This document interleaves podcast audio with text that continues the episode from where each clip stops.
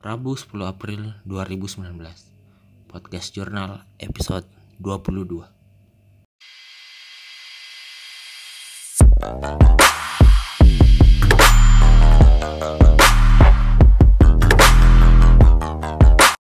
Ya pada episode kali ini kita akan membahas salah satu buku yang berjudul A Brief History of Time Sejarah Singkat Waktu yang ditulis oleh Stephen Hawking di mana pada buku ini terdapat 12 bab yang mana saya akan membuat episode untuk setiap babnya ya, pada episode ini episode ke-22 saya akan membahas tentang bab satu dari buku ini yang berjudul Gambaran Alam Semesta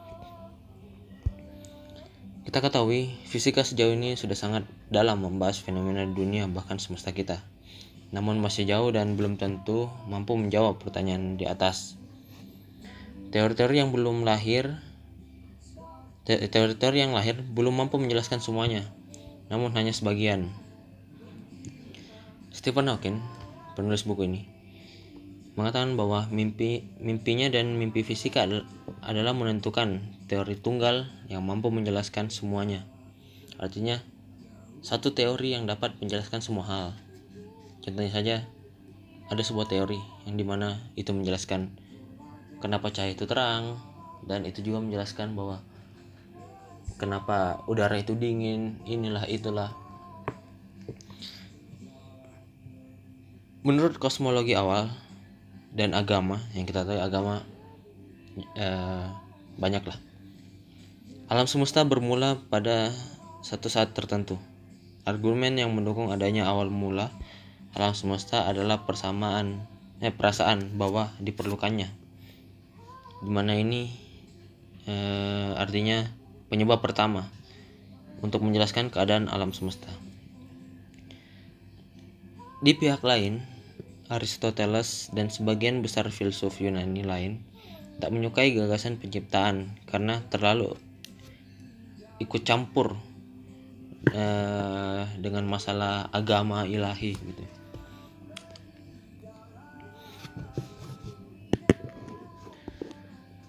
Percaya bahwa umat manusia dan dunia sekitarnya sudah selalu ada dan bakal terus ada selamanya. Orang lain yang setuju dengan argumen ini memberi jawaban bahwa telah terjadi banjir besar atau bencana lain yang berkali-kali mengembalikan manusia ke keadaan awal. Mungkin seperti cerita Nabi Nuh dengan dengan perahunya yang melegenda.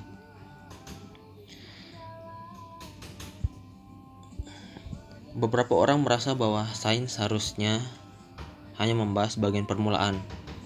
Mereka menganggap persilangan keadaan awal adalah urusan metafisika atau agama Artinya Tuhan yang Maha Kuasa dapat memulai alam semesta dengan cara apa pun yang dia mau.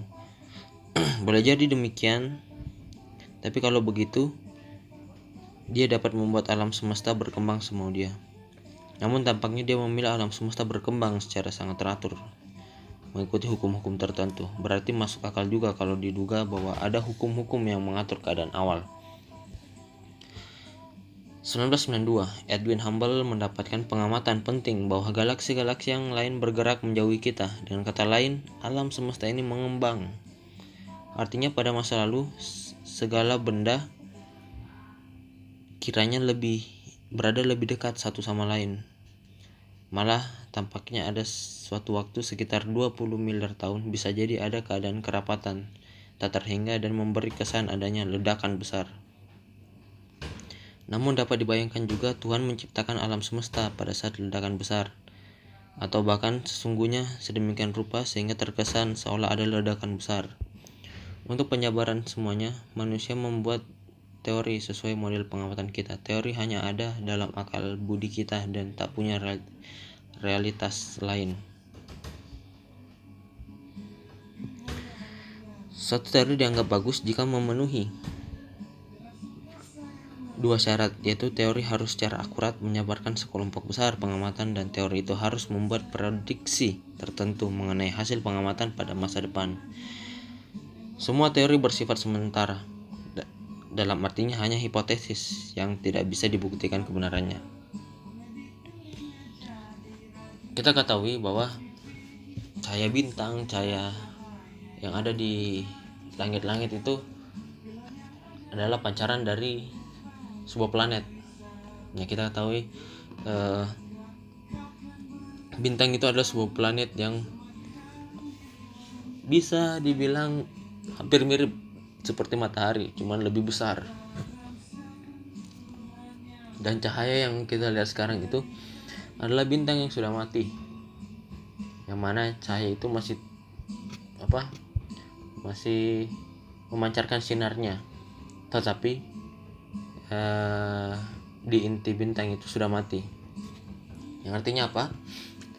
Karena jarak yang jauh, cahaya masih jalan, masih berjalan.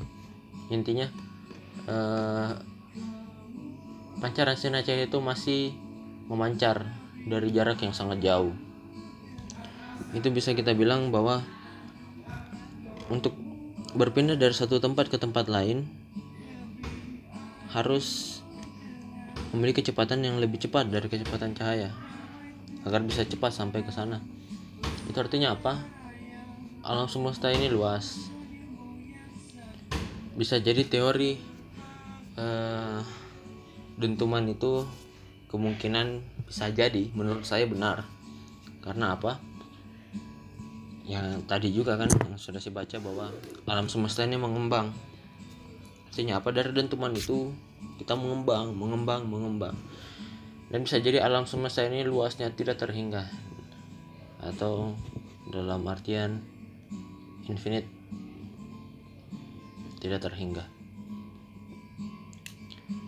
waktu itu seperti angka yang di mana kalau kita uh, menghitungnya secara terus menerus tidak akan ada akhir. Tetapi dan uh, tetapi ada awalnya. Di mana yang kita ketahui awal dunia ini adalah sebuah dentuman kencang dan tidak memiliki akhir. Tapi banyak teori bahwa akhir dari alam semesta ini adalah kiamat ya kita tidak tahu lah itu nantinya akan seperti apa. Dan banyak yang beranggapan bahwa sistem tata surya ini di mana bumi ini sebagai intinya. Maksudnya apa? Bulan mengelilingi kita itu sudah pasti. Uh, ada teori lain bahwa planet-planet lain seperti Venus, Bu, uh, Venus, Merkurius, Jupiter, Uranus, dan bahkan matahari mengelilingi uh, bumi. Tetapi nyatanya itu salah.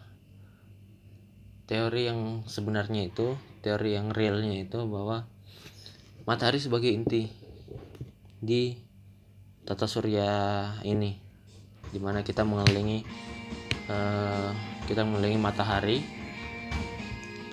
kita mengelilingi ma matahari bersama dengan planet-planet lain di mana setiap planet itu memiliki waktu yang berbeda-beda. Contohnya bumi ini uh, dia berputar pada porosnya itu memerlukan waktu kurang dari 23 24 jam. Dan waktu untuk mengelilingi matahari itu memerlukan waktu sekitar 365 sampai 366 hari.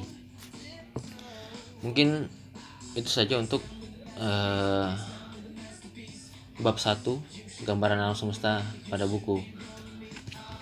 Uh, A Brief History of Time. Itu saya Stephen Hawking pada episode selanjutnya kita akan membahas bab 2 yang mana berjudul ruang dan waktu. Sekian dari saya. Uh, jika ada saran kritik serta pendapat bisa uh, email di arnalgalibaldi@gmail.com uh, sekian lebih dan kurang yang mau menjelaskan peace